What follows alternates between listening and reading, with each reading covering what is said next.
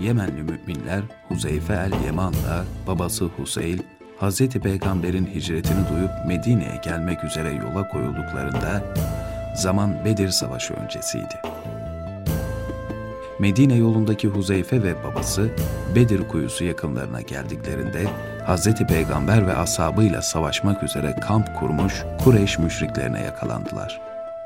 Kureyş müşrikleri herhalde siz Muhammed'in yanına gitmek istiyorsunuz diyerek onları esir olarak yanlarında tutmak istediler. Onlarsa hayır dediler. Bizim Medine'ye gitmekten başka bir maksadımız yok.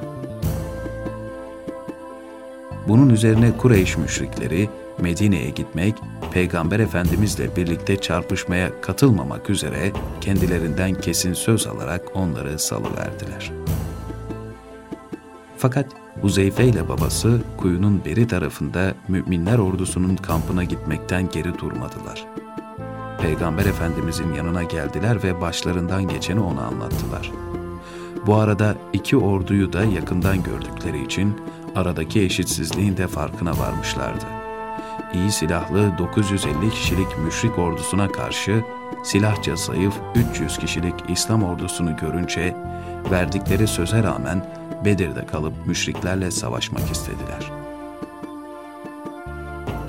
Fakat Hz. Peygamber iki ordu arasındaki bu bariz eşitsizliğe rağmen onların verdikleri sözü çiğneyerek orduya katılmalarına izin vermedi.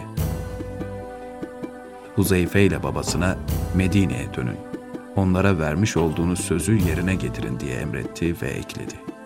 Biz de müşriklere karşı Allah'ın yardımını dileriz.'' Huzeyfe'nin hayatının sonraki safhasında bir doğruluk timsali olarak temayüz etmesinde, öyle ki bu yolda peygambere sırdaşlık seviyesine yükselmesinde, Hz. Peygamberle ilk karşılaşmada aldığı bu dersin kesin bir payı vardı.''